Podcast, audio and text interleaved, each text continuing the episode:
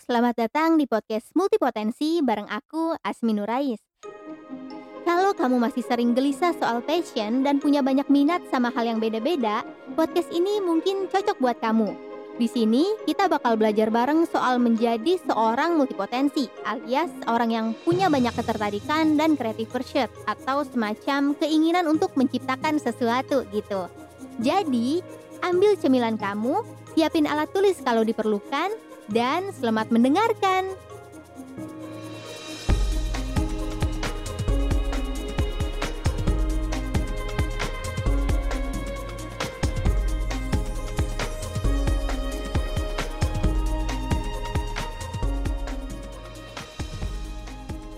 Assalamualaikum warahmatullahi wabarakatuh. Selamat datang kembali di podcast Multipotensi bareng aku Asmi. Nah teman-teman makasih banyak loh udah mampir di podcast aku sampai sekarang ini. Dan aku nggak bosen-bosen ngingetin buat teman-teman yang baru banget mampir Tolong dengerin dulu episode awal-awal podcast ini e, Kira-kiranya episode 1 sampai 3 Karena di situ aku ngejelasin tentang kita kenalan sama istilah multi multipotensi dan aku ngebantu teman-teman buat tahu apakah diri teman-teman ini termasuk multipotensi atau bukan. Sehingga ke depannya jadi bisa mutusin tuh apakah akan ngelanjutin dengerin podcastnya atau enggak gitu. Dan di tema kali ini aku bakal ngebahas tentang menghadapi imposter syndrome bagi multipotensi. Mmm, sebenarnya topik ini tuh udah sering aku sentil di episode-episode sebelumnya, tapi di sini aku pengen lebih fokus supaya lebih spesifik aja gitu. Nah, teman-teman pernah nggak sih mendapat hasil yang baik untuk ya salah satu passion yang lagi dijalanin lah, tapi kok ngerasa nggak pantas ya ngedapetinnya gitu. Bisa jadi karena itu bukan pekerjaan utama, atau kayak itu hobi yang lagi dijalanin, atau bahkan itu hal baru yang baru-baru ini dipelajarin gitu. Atau pernah nggak sih mendapat kesempatan baik buat yang lagi dilakukan nih, passion yang lagi dijalanin, terus ngerasa kayak nggak pantas gitu mendapatkan si kesempatan itu gitu. Misalnya jadi finalis lomba, keterima seleksi workshop yang gratis gitu, atau dapat kerja sampingan yang emang diidam-idamkan gitu. Nah, itulah kondisi di mana kita mengalami imposter syndrome alias kondisi di mana Eee, diri ini tuh merasa tidak sekompeten yang orang lain anggap gitu. Agak lebay sih emang kalau disebut sindrom karena ini tuh bukan mental illness melainkan sebuah fenomena psikologis aja gitu.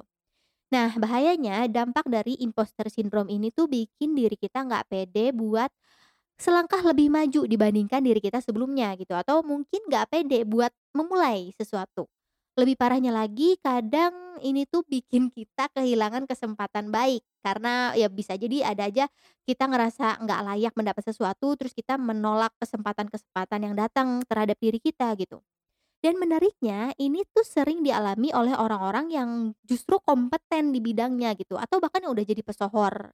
Nggak cuman kita-kita doang nih yang ucluk-ucluk manusia biasa, rakyat jelata yang mengalami ini, ternyata orang-orang yang udah gede juga mengalami ini tuh mungkin banget gitu. Nah, tapi sebelum aku kasih tips gimana caranya menghadapi kondisi ini, aku mau bahas dulu gimana sih cara bedain antara beneran imposter syndrome atau emang kitanya yang nggak kompeten gitu. Karena aku sendiri selalu menerapkan ini kalau lagi ngerasa insecure sama kesempatan baik yang menghampiri aku gitu. Yang pertama, kalau ini tentang memulai hal baru, itu tuh biasanya sih bukan imposter syndrome ya.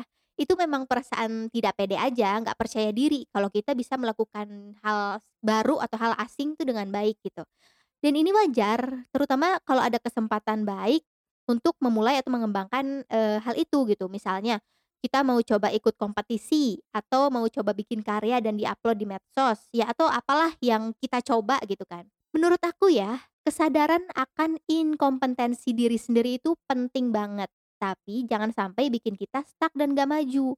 Karena emang biasanya faktor yang bikin kita takut memulai sesuatu tuh ya takut sama judgement orang lain, alias penilaian orang lain, terus takut sama hasil yang bisa jadi nggak sememuaskan yang kita bayangin gitu.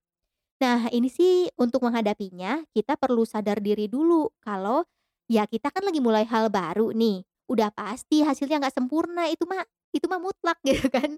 Kalaupun ini bukan hal yang baru-baru banget atau ya kita udah mempelajari ini beberapa waktu lah, kesadaran akan ketidakkompetenan kita itu tetap penting karena itu yang bikin kita rendah hati. rendah hati ya, bukan rendah diri. Dengan perasaan rendah hatilah kita tuh bisa terbuka sama masukan, kritik, dan saran yang tentunya bakal bikin hal yang lagi kita usahakan tuh jadi lebih baik gitu. Jadi ya jangan jangan tertutup sama saran gitu. Justru dengan berpikir kalau, oh kita belum kompeten, dengan sadar kalau, oh kita belum sampai di situ, itu justru membuat kita jadi terbuka terhadap, hal-hal yang baik yang mungkin disarankan orang terhadap kita gitu, yang bisa bikin kita lebih maju.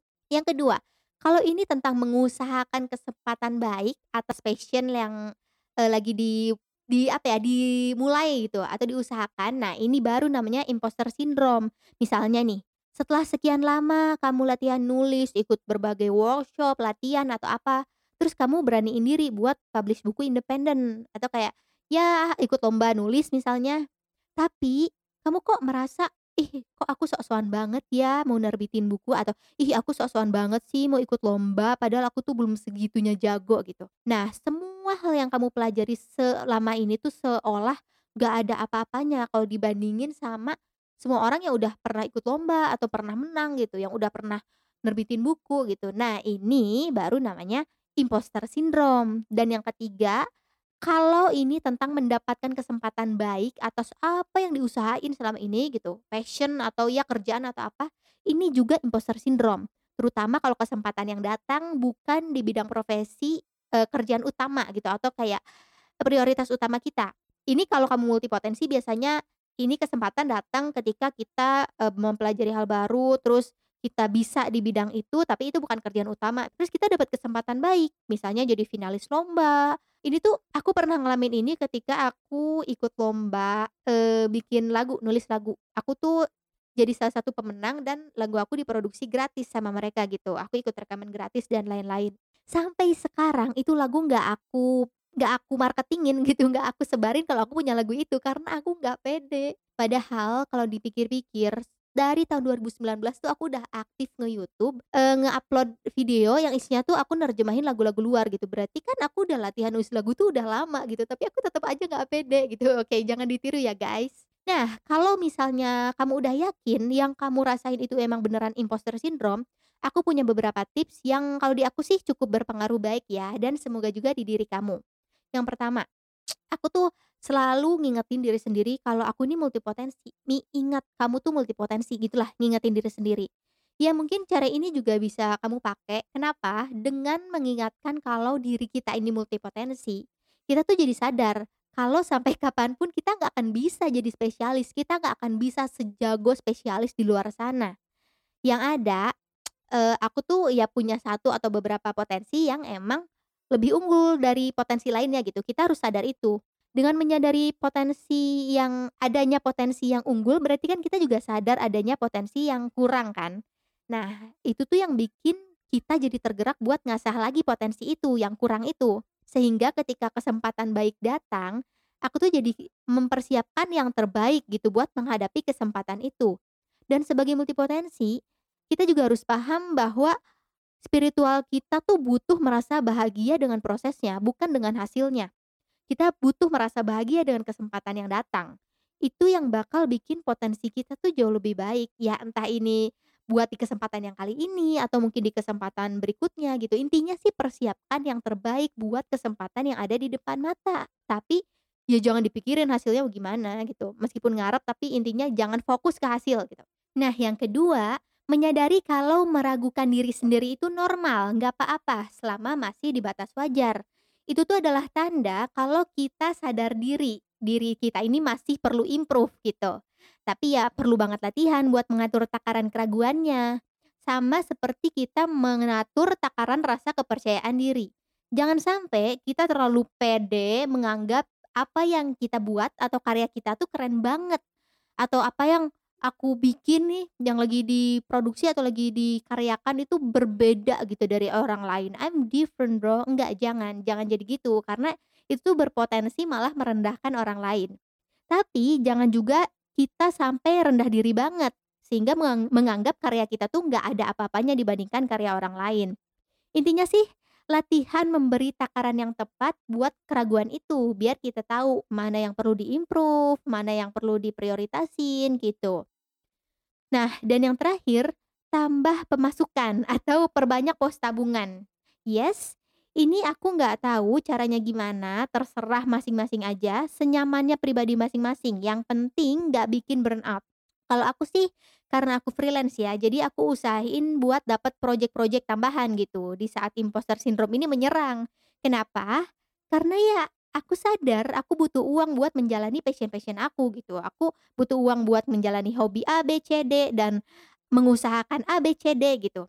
Kalau suka gambar misalnya ya butuh dong beli alat gambar atau kalau pengen ikut workshop ya butuh dong duit buat bayar workshopnya. Mau nggak mau kita harus sadar kalau uang ini tuh jadi salah satu tools untuk meningkatkan kepercayaan diri lewat cara-cara yang kita tempuh gitu untuk mengimprove diri kita sendiri. Nah, jadi ya kayak gitu sih ada tiga tips yang bisa aku kasih yang sebenarnya be lumayan bekerja di aku dan semoga juga bisa bermanfaat di kamu. Makasih udah mendengarkan podcast episode kali ini sampai habis. Semoga teman-teman selalu diberi kesehatan dan kekuatan di masa yang, eee, tidak mudah ini gitu ya. Dadah, assalamualaikum warahmatullahi wabarakatuh.